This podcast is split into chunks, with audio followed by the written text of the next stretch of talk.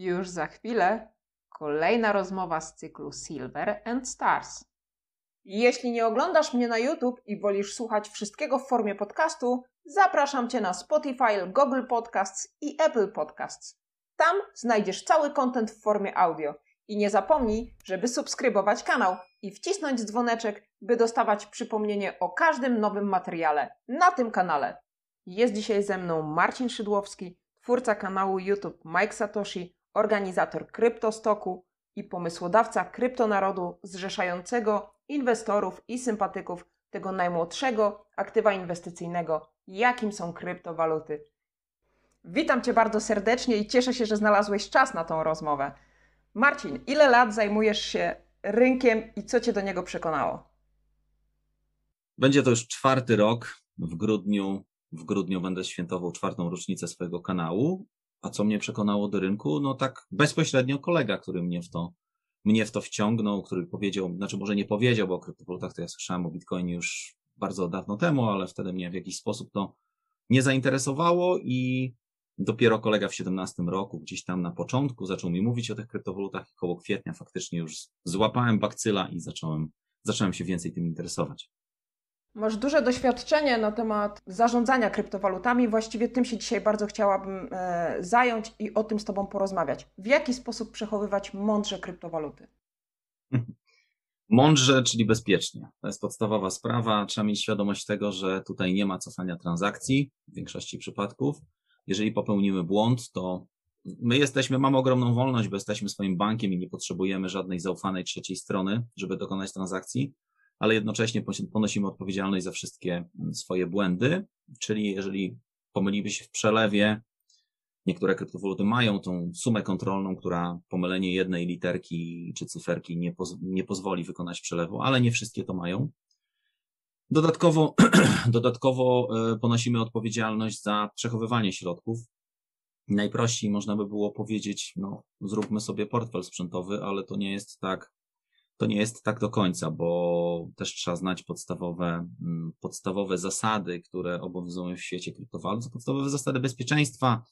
No, przychodzi mi na myśl tutaj oczywiście od razu mm, taka sytuacja, w której informatycy zabezpieczyli komputer pani z urzędu, a pani z urzędu, bo, ponieważ było trudne hasło, nakleiła sobie karteczkę na monitor z hasłem, e, które, z hasłem, które jest trudne i no, automatycznie wszystkie wysiłki informatyków zostały tutaj zniweczone. W kryptowalutach jest bardzo podobnie. Ludzie, ponieważ próg wejścia jest bardzo, bardzo niewielki, każdy może wejść. Bardzo często też osoby, które nie ukończyły 18 roku życia, bo nie ma problemu, bitomaty w żaden sposób nie ograniczają, każdy może kupić kryptowaluty. Można też przecież kupić blikiem online i tak dalej, więc tutaj bardzo często wchodzą też osoby, które szczególnie osoby pokolenie starsze, które nie do końca potrafi komputer obsługiwać. Ja sam dostałem takiego maila, w którym napisał do mnie pewien pan i mówi, wiesz, no ja nie do końca umiem komputer obsługiwać, ale chciałbym inwestować w kryptowaluty. Więc no moja odpowiedź po dłuższym zastanowieniu była, wiesz co, to może najpierw naucz się komputer obsługiwać, a później, a później dopiero zajmij się kryptowalutami. E, przechowywanie kryptowalut to są portfele. Portfel, portfel to jest po prostu aplikacja, czy to na komórkę, czy to na komputer.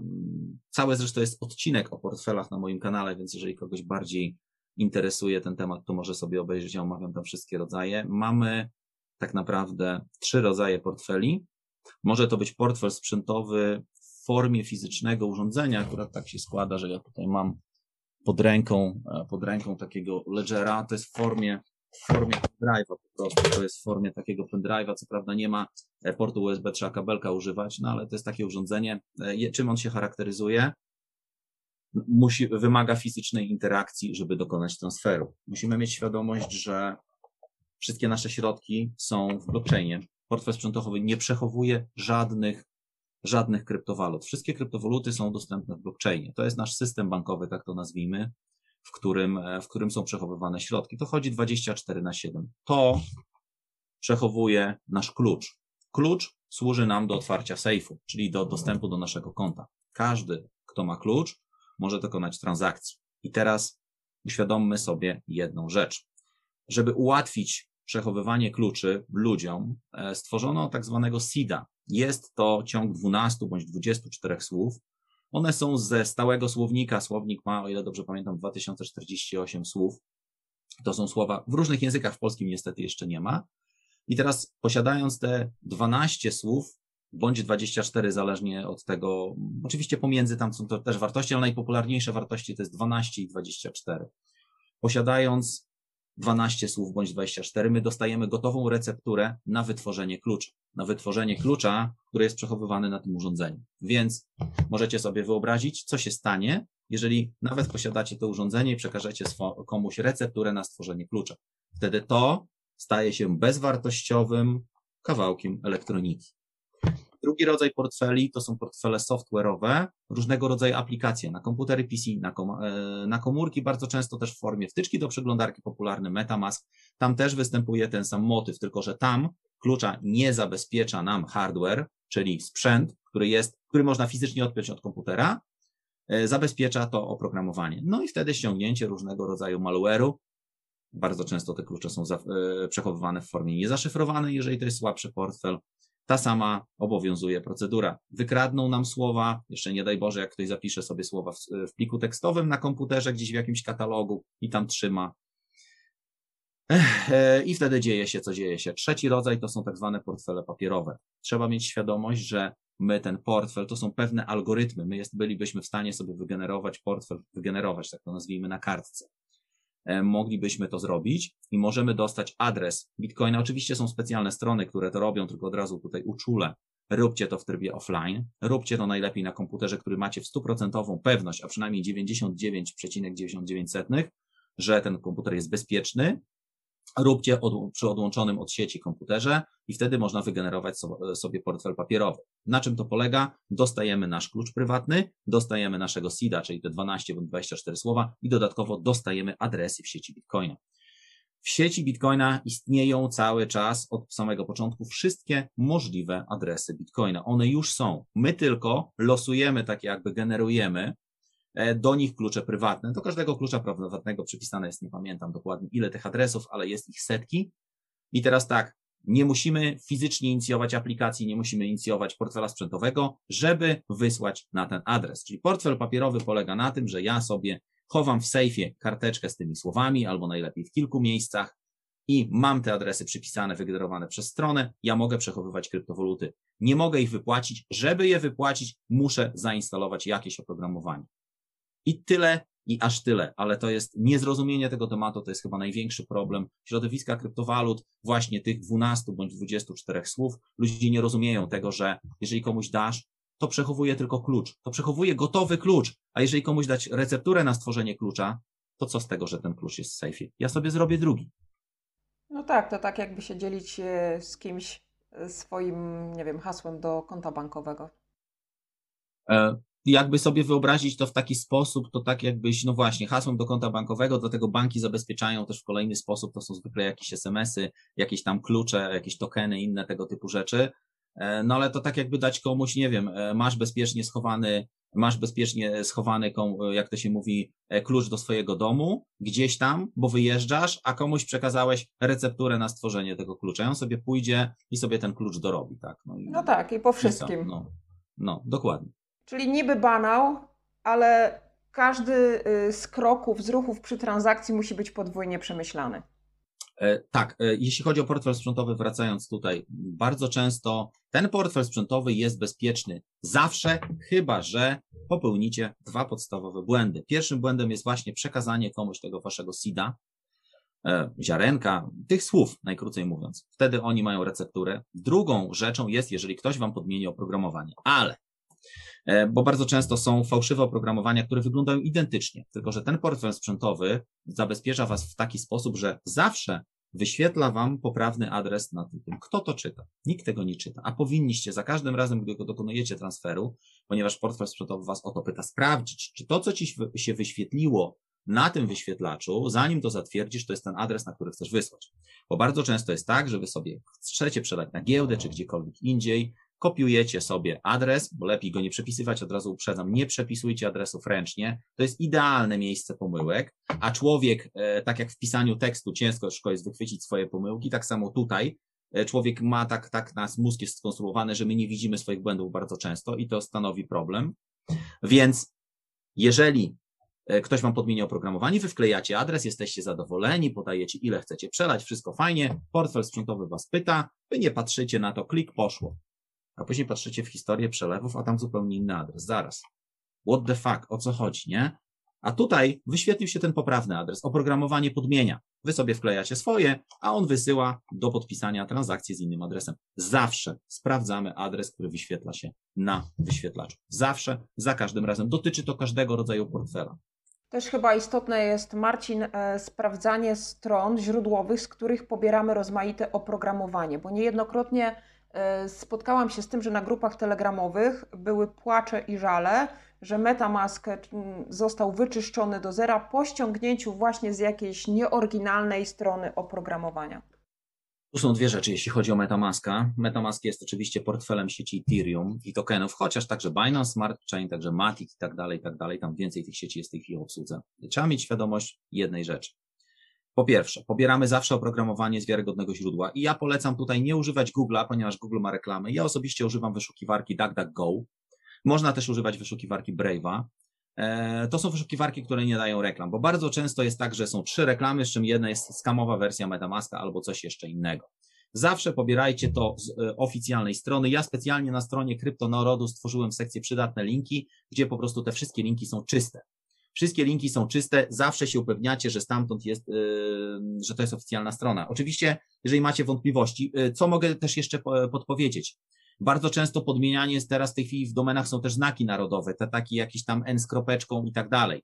Y, słynna sprawa, gdzie ktoś wpisał, e, właśnie kliknął, a to nie była domena Binance'a, która wyglądała identycznie, tylko były tam kropeczki u góry, ktoś tego nie zauważył. Więc dobrze jest dodawać sobie skróty, e, te bookmarki tak zwane do przeglądarki, żebyście mieli na stałe zapisane linki do swoich, do swoich ulubionych giełd i tak dalej, a nie tam szukać za każdym razem. To jest, to jest, to jest kwestia. Druga sprawa, w MetaMasku, jeżeli mówimy o sieci Ethereum, pamiętajcie, że wy nie możecie zabronić komuś wysłania wam środków. Jeżeli wasz adres w jakiś sposób jest publiczny, to bardzo często, a, a wręcz e, bardzo często też bawiąc się w kryptowalutach, ten adres da się znaleźć. Dostajecie różnego rodzaju gówno tokeny. No i teraz tak. Airdropy to the Airdropy, tak, tak, dokładnie. Jeżeli wchodzicie w interakcję ze smart contractem, to MetaMask was pyta, czy wy chce, co wy, jakie prawa chcecie udostępnić. I on wam wyświetla, wśród tych praw może być możliwość transferu środków z portfela. Więc zabawa z różnego rodzaju głównocoinami. Bardzo często są to fałszywe na przykład tetery, czy USDC, czy jakieś rzeczy. To jest fałszywy kontrakt, więc za każdym razem musimy weryfikować adres kontraktu.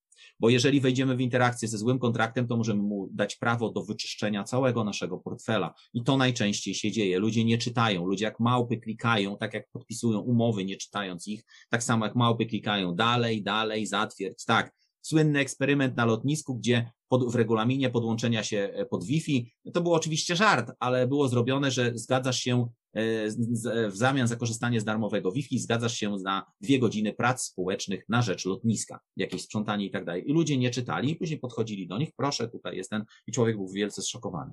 No ale pan kliknął, pan zatwierdził, pan wyraził zgodę na to, że pan będzie dwie godziny sprzątał lotnisko.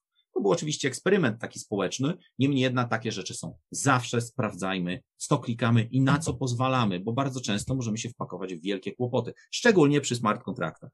Mawia się, że ludzie nie potykają się o góry, tylko o kretowiska. Gubią nas zawsze małe rzeczy tak. i niedopilnowanie tak. drobnych czynności. Powiedz mi, na co jeszcze uważać podczas przesyłania kryptowalut, nie wiem, z portfela na portfel, z giełdy na portfel w drugą stronę, oprócz sprawdzania smart kontraktu, adresu? E, powiem szczerze, jeśli to akurat w przypadku Ethereum tak jest, bo mm, powiem tak, jeżeli w Metamasku mamy dodane sobie już te tokeny na stałe, a najłatwiej jest to sprawdzić wchodząc po prostu na Etherscan i skopiować sobie z danego, z danego adres kontraktu. E, na co zwracać uwagę, mm, jeżeli, jeżeli mamy, zakładając, że mamy oprogramowanie legitne, nie jest to fałszywe oprogramowanie, to właściwie tylko na to, żeby, tak jak mówiłem, nie przepisywać adresu. Żeby robić kopiuj, kopiuj wklej najlepiej, żeby się upewnić, że to jest ten nasz adres, że nie wysyłamy gdzieś indziej, bo czasami w tym naszym buforze mogą być bardzo różne, w tym tak zwanym schowku, mogą być bardzo różne rzeczy, po prostu weryfikujmy informacje. Czasami krótkie spojrzenie i w tej chwili to, co jeszcze Tomek CryptoDev mówił, e, weryfikujmy właśnie smart kontrakty, bo w całości, bo hakerzy w tej chwili potrafią generować smart kontrakty, które mają początek i koniec taki sam. Potrafią już wygenerować, to jest metoda prób i błędów, smart contract, który wygląda identycznie na początku i na końcu środkiem się różni. I wtedy może się okazać, że dobra, pobieżne spojrzenie to już jest niewystarczające i środki poszły gdzieś.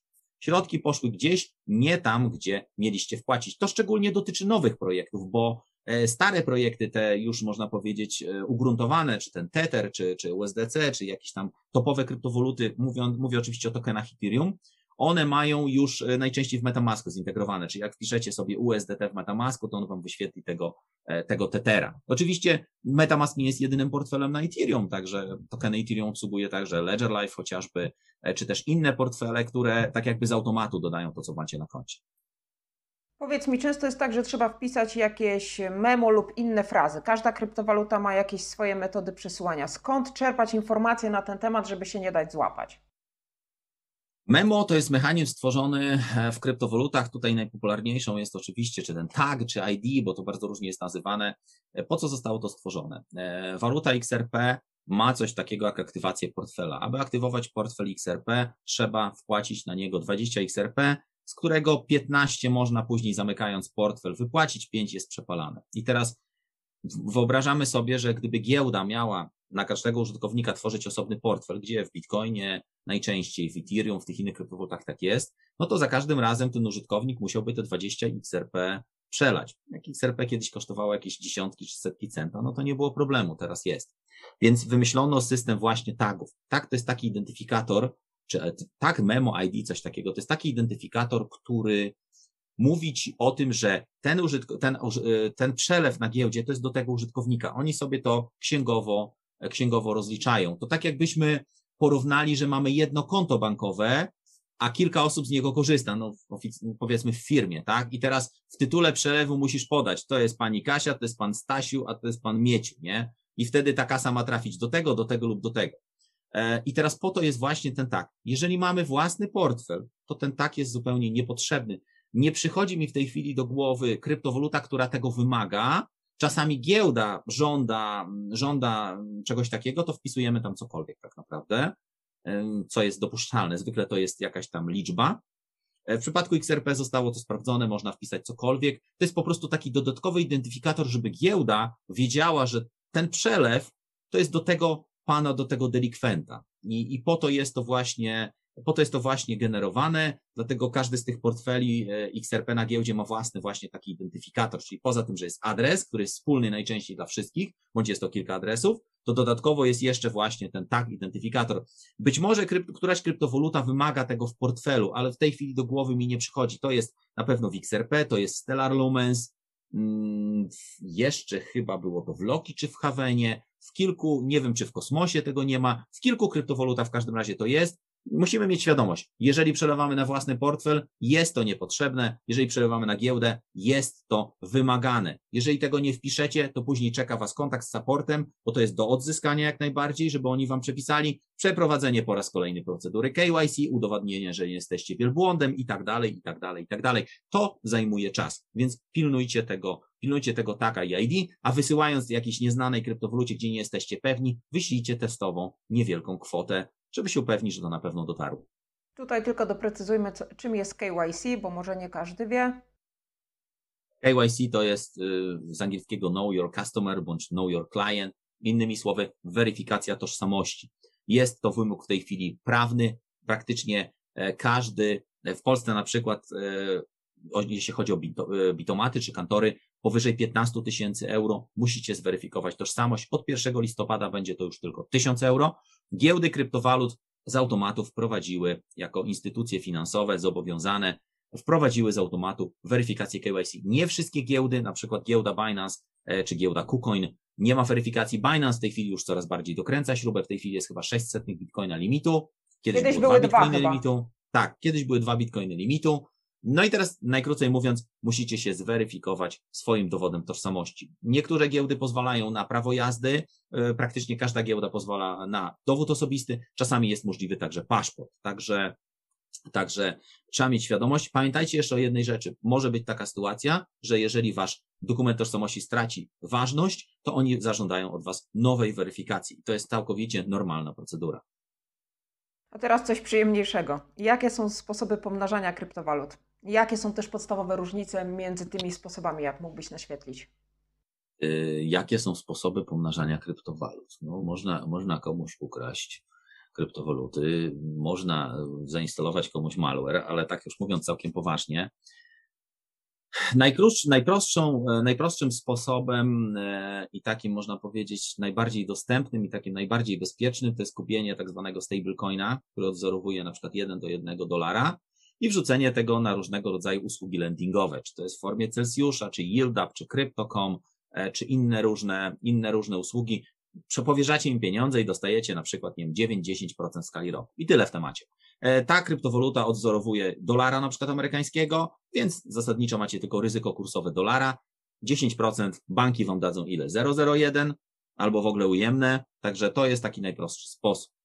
E, no można oczywiście zostać tak zwanym sprzedawcą łopat, czyli e, jak stare przysłowie mówi, na gorączce złota najwięcej zarobili sprzedawcy łopat i kilofów, czyli można zostać twórcą E, treści można zostać kimś, kto pracuje w kryptowalutach i wbrew prozorom to środowisko jest na tyle ogromne, to nie jest tak, że są potrzebni tylko programiści youtuberzy. Nie, bo można, można przykładowo, nie wiem, pisać artykuły, można zajmować się tłumaczeniami, można robić różnego rodzaju usługi marketingowe, tego typu rzeczy. Naprawdę pracy jest od groma i trochę.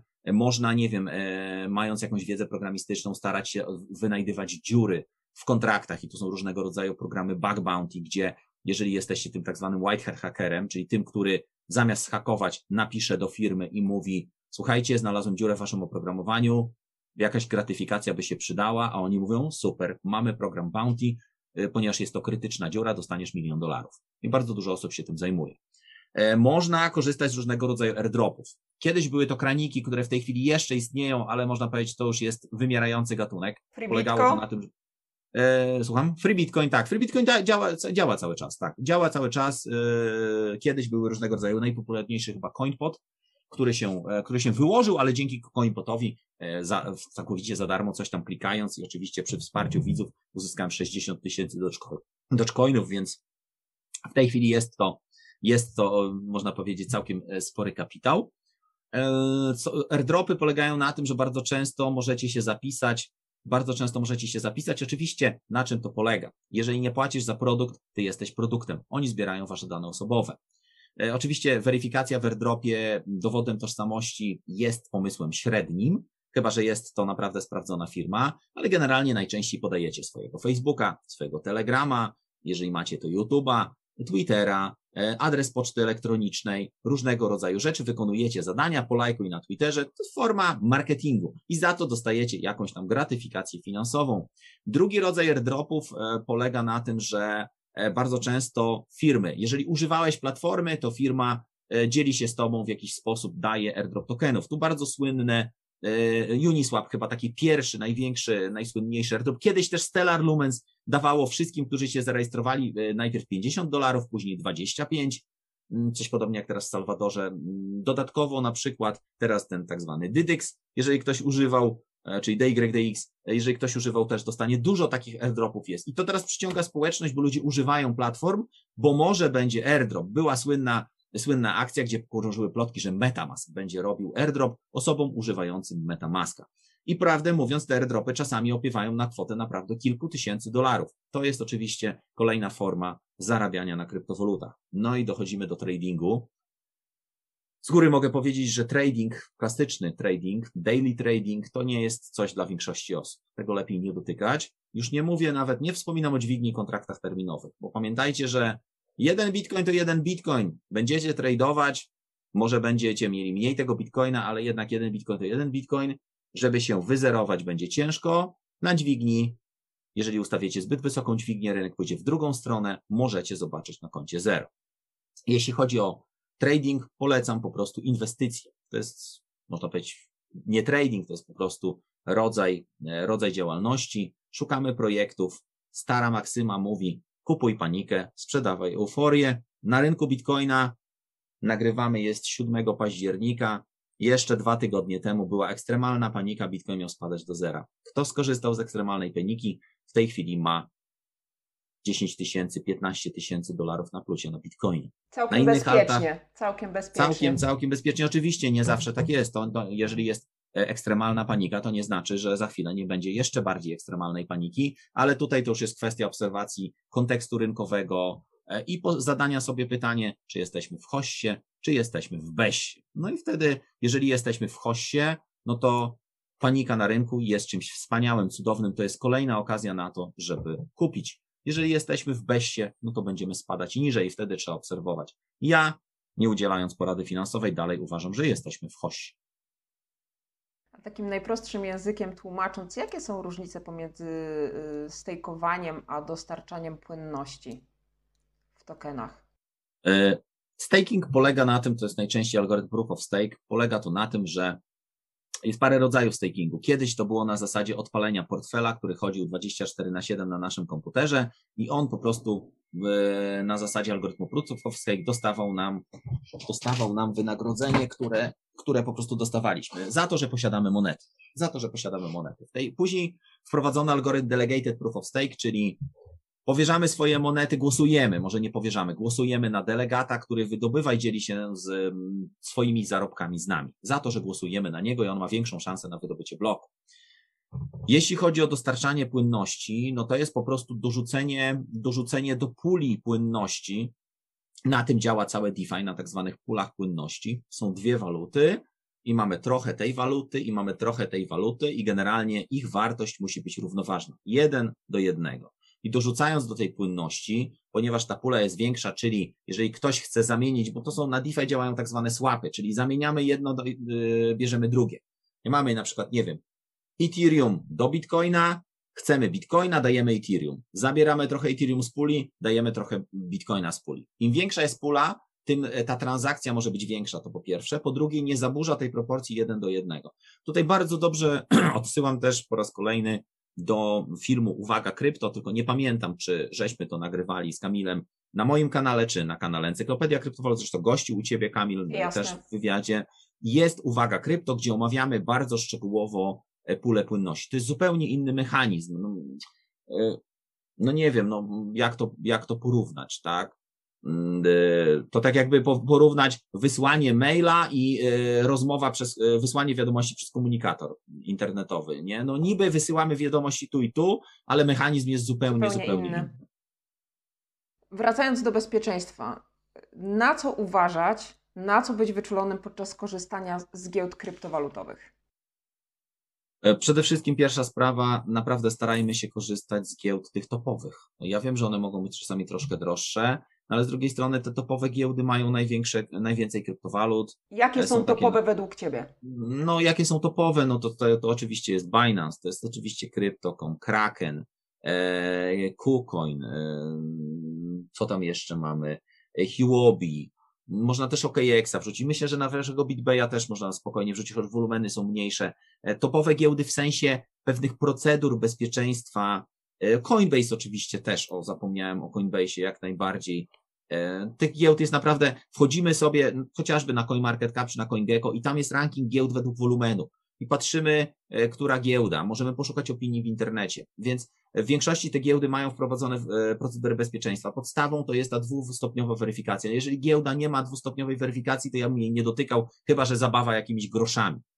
Bo jeżeli weryfikacja na giełdzie jest na zasadzie login, hasło, no to każdy, kto zgadnie wasze hasło, może dojść do waszego konta. No jest to kompletnie bez sensu i dwustopniowa weryfikacja nie przez maila, ale przez zewnętrzne oprogramowanie w stylu Google Authenticator.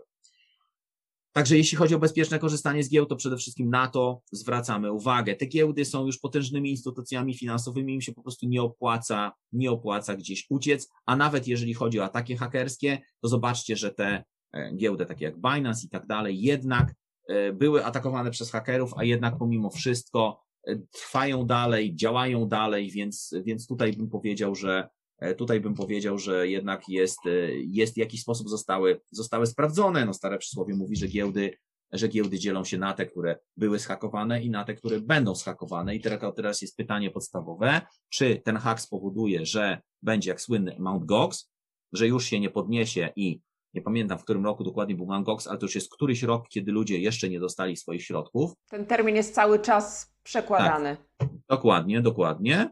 E, a są giełdy, które miały atak hakerski, tak zasadniczo nic się nie stało. Więc przy wyborze giełdy zwróciłbym to na, na to uwagę. Pamiętajcie, że wbrew pozorom regulacje nie są waszym wrogiem. Regulacje wprowadzono po to, żebyście płacili podatki. Najkrócej mówiąc, po to jest, żebyście płacili podatki, bo zawsze jest taki bad, że jesteście, nie jesteście anonimowi. No i teraz tak, jeżeli giełda jest regulowana, to bardzo często musi przestrzegać pewnych praktyk. To jeszcze nie jest tak w 100% uregulowane, ale bardzo często to jest kwestia, jaki procent może trzymać na tak zwanych hot walletach, czyli takich bieżących, bieżących portfelach, nie jakichś tam e, usługach custody i tak dalej, tak? Jakie musi mieć zabezpieczenie, jakie procedury i tak dalej, i tak dalej, i tak dalej. To jest cała, cała, cały szereg rzeczy. Więc więc tutaj na to zwracamy. Jeśli chodzi o giełdy zdecentralizowane, bo teraz też bardzo często to DEXy się pojawiły, czy, czy to Uniswap, czy SushiSwap, czy PancakeSwap, czy OneInch, chociaż OneInch jest bardziej takim agregatorem, e, to tutaj też zwracamy uwagę, mm, czy to jest właśnie jakieś tam czołowe. Mm, to też musicie troszeczkę poszukać prawdę mówiąc, też chyba na tych trackerach głównych CoinGecko, CoinMarketCap, CoinPaprika znajdziecie ranking giełd zdecentralizowanych. Musicie kliknąć zakładkę DeFi i tam znajdziecie ten ranking. Jak wpakujecie się na jakiegoś DEXa fałszywego, to najczęściej na przykład dodacie coś do puli płynności, a tam dziękuję, do widzenia, nie ma waszych środków. Także na to też zwracamy uwagę przy wyborze giełd. Powiedz mi, a ty masz jakiś e, swój własny system e, zabezpieczenia kryptowalut i przechowywania ich tak, żeby były bezpieczne? Tak, ja przechowuję to w dwóch sposobach. Co mogę, jest zabezpieczone portfelami sprzętowymi.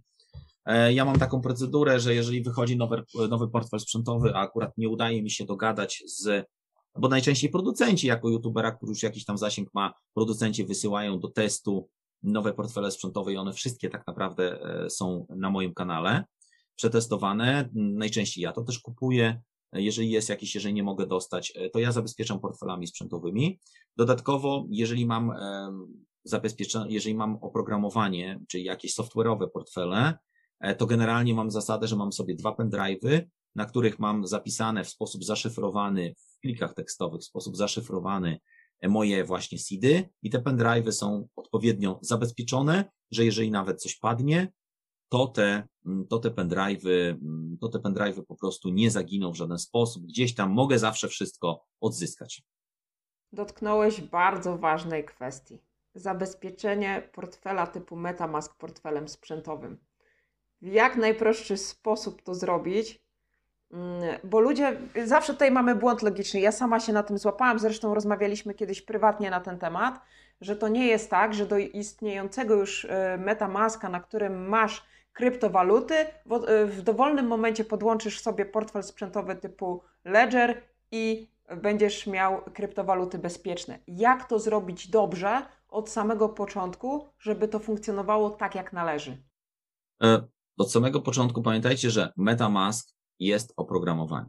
I teraz MetaMask, jeżeli sobie zainstalujemy, zainstalujemy, on Was prosi o stworzenie portfela. Ten portfel może być lokalnym plikiem na komputerze, tak to nazwijmy, a może być dodatkowo portfelem sprzętowym. I teraz, jeżeli wy stworzycie sobie lokalny plik na komputerze, to jest to zupełnie inny seed, to jest zupełnie inny klucz prywatny niż to, co macie na portfelu sprzętowym. Pamiętajcie, każdy portfel sprzętowy trzeba wygenerować. Wygenerować przy użyciu na przykład Ledger Live, czy Trezor Suite, czy coś takiego. Generujecie sobie portfel i macie wtedy już ten portfel aktywny. I wy co najwyżej, co możecie zrobić, możecie dodać obsługę tego portfela do innej aplikacji niż Ledger Live czy Trezor Suite. W przypadku na przykład Trezora jest to Exodus. W Exodusie to widać jak na dłoni, że e, mam sobie wygenerowany portfel Exodus, zakładeczkę, mam do niego swojego seeda, podpinam sobie Trezora, bo Exodus Ledgerów nie obsługuje i nagle tworzy mi się druga zakładka. I jest napisane hardware wallet. Może być więcej zakładek, można 2, 3, 5, 17 portfeli sprzętowych podłączyć. I teraz to już powinno Wam zaświtać, że on nie zabezpieczył tego portfela, on Ty dopiąłeś obsługę, dopiąłeś obsługę tego portfela do, do, e, do tego, e, do Metamaska. I teraz zastanówcie się nad jedną rzeczą. Metamask i Ledger. No i teraz zobaczcie, podpinacie do Metamaska swojego Ledgera, i widzicie Ethereum i tokeny. No ale wy wiecie, że wy na tym ledgerze macie jeszcze Bitcoina, Litecoina, XRP, Cardano i coś jeszcze. No i teraz to już powinno was zastanowić. Ja bym porównał to w taki sposób. Jeżeli macie swój komputer, macie swój komputer i w komputerze macie dyski, na przykład dysk C, D i tak dalej, macie jakieś dyski twarde, na których trzymacie dane. I nagle podłączacie do niego zaszyfrowanego pendrive'a. To czy to znaczy, że wszystkie dyski już się zaszyfrowały i ten pendrive zabezpieczył wasze dyski? Nie. Dane są zaszyfrowane na pendrive'ie. To samo dzieje się z Metamaskiem zainicjowanym, gdy podłączacie portfel sprzętowy. Wy dodajecie do niego kolejny portfel. Nie zabezpieczacie tego Metamaska, to co macie już wygenerowany ten portfel, bo ten portfel jest plikiem na waszym komputerze, e, czy gdzieś tam w plikach przeglądarki, czy w tych danych aplikacji i tak dalej. To jest na komputerze. Jeżeli chcecie Metamaska od samego początku zabezpieczać portfelem sprzętowym, to musicie, tworząc nowy portfel Metamask, od razu wybrać opcję Hardware Wallet i Import e, Hardware Wallet. I wtedy Metamask jest zabezpieczony portfelem sprzętowym. Większość osób tego nie zrobiła i teraz jest problem, ponieważ tak naprawdę moglibyście podpiąć portfel sprzętowy, przelać wszystkie środki, dziękuję, do widzenia, macie na portfelu sprzętowym, a tutaj macie Metamaska, ten, ten główny portfel jako podręczny. Opłaty na Ethereum niestety znacząco to utrudniają. W tej chwili pewnie kilkadziesiąt dolarów za przesłanie tokena ERC20 i to automatycznie jest e, problematyczne. Drugi problem, jeżeli obracacie małymi środkami, trzeba się też zastanowić, bo za każdym razem podpinanie tego portfela sprzętowego, naciskanie tych guzików, to może być oczywiście męczące. Ja osobiście w przypadku Exodusa i Trezora mam tak, że mój Exodus jest ten główny portfel w Exodusie jest tym portfelem podręcznym, a większe środki trzymam sobie po prostu na trezorach. Jak potrzebuję wytransferować, wyciągam trezora, podpinam. Pamiętajcie właśnie jeszcze jednej rzeczy.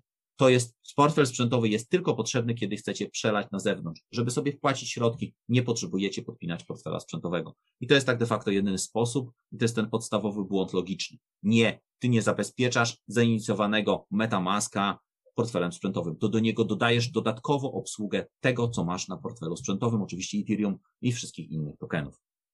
Czyli dla mnie dwie ważne rzeczy, które wyniosłam z tej wypowiedzi. Pierwsza, super rozwiązanie, jeśli inwestujesz w coś bardzo duże środki albo duże środki i wtedy one sobie y, są tam bezpiecznie zdeponowane.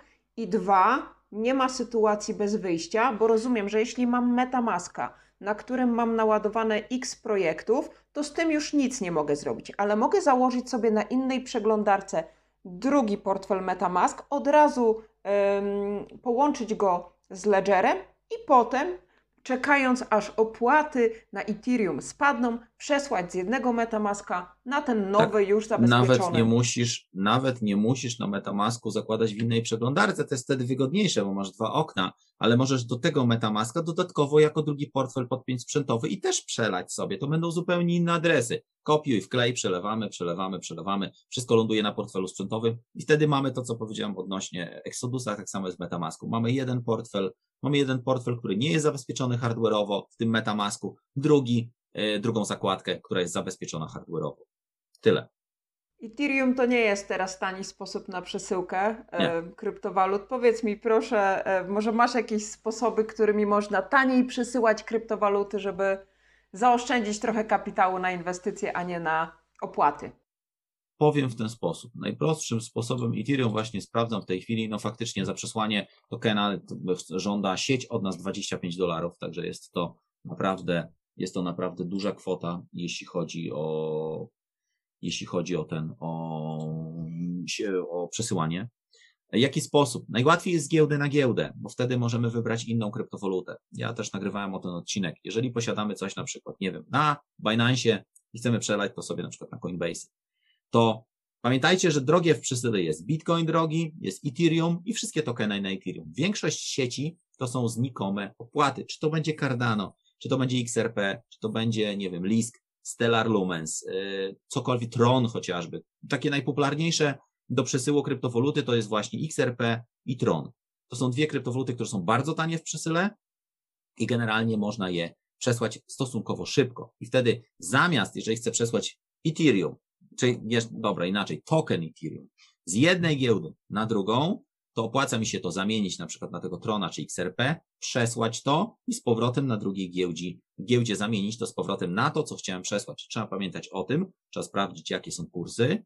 To po pierwsze. Po drugie, pamiętajcie, że giełda zawsze dokłada swoją prowizję od wypłaty. Każda, dlatego to się różni. Giełda zawsze dokłada swoje parę złotych, szczególnie jest to bolesne w przypadku Bitcoina czy Ethereum.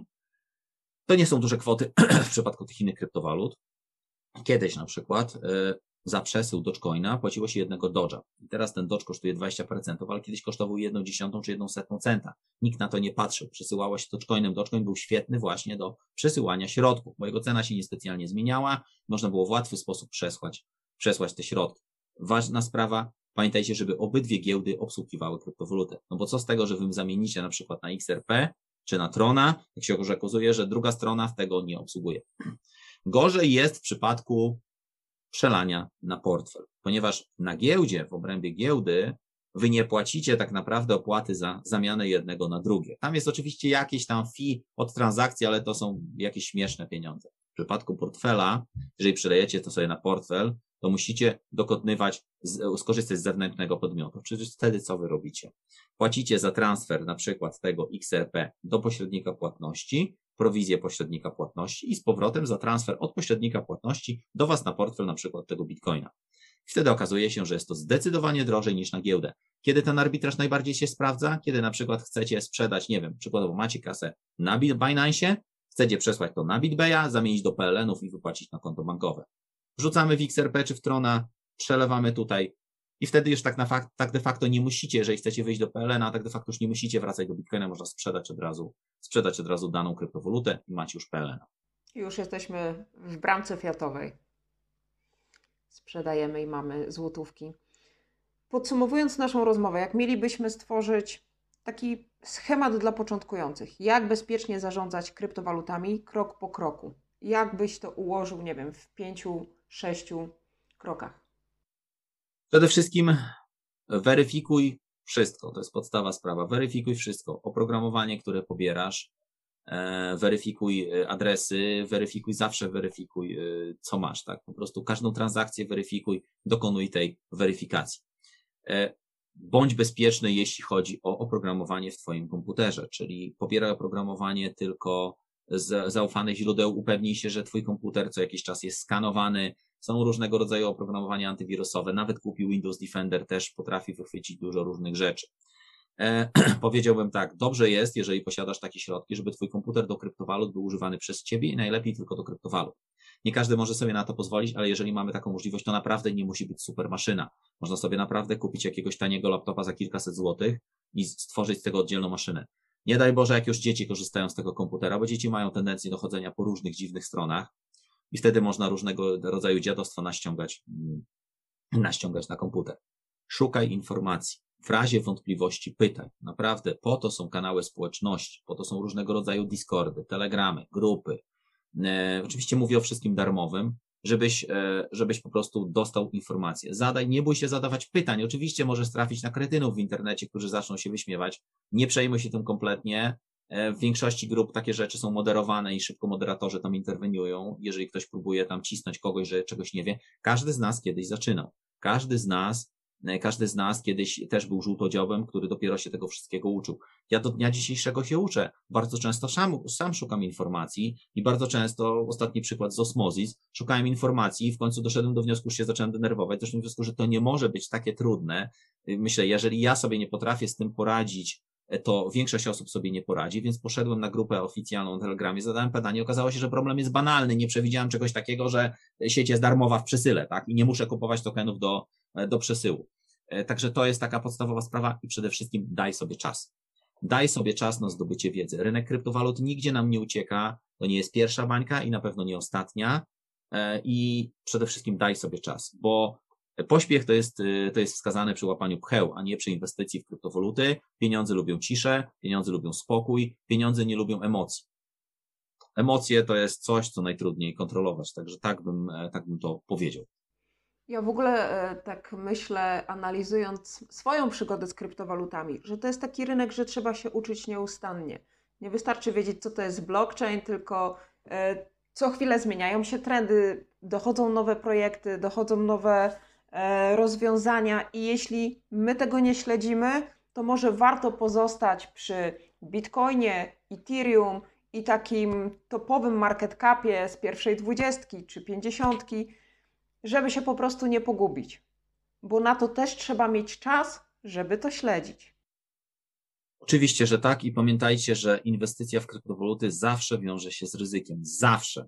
Długoterminowo oczywiście Bitcoin i Ethereum udowodniły, że ktokolwiek potrzymał dłużej niż tam 2-3 lata, to zawsze jest na plusie.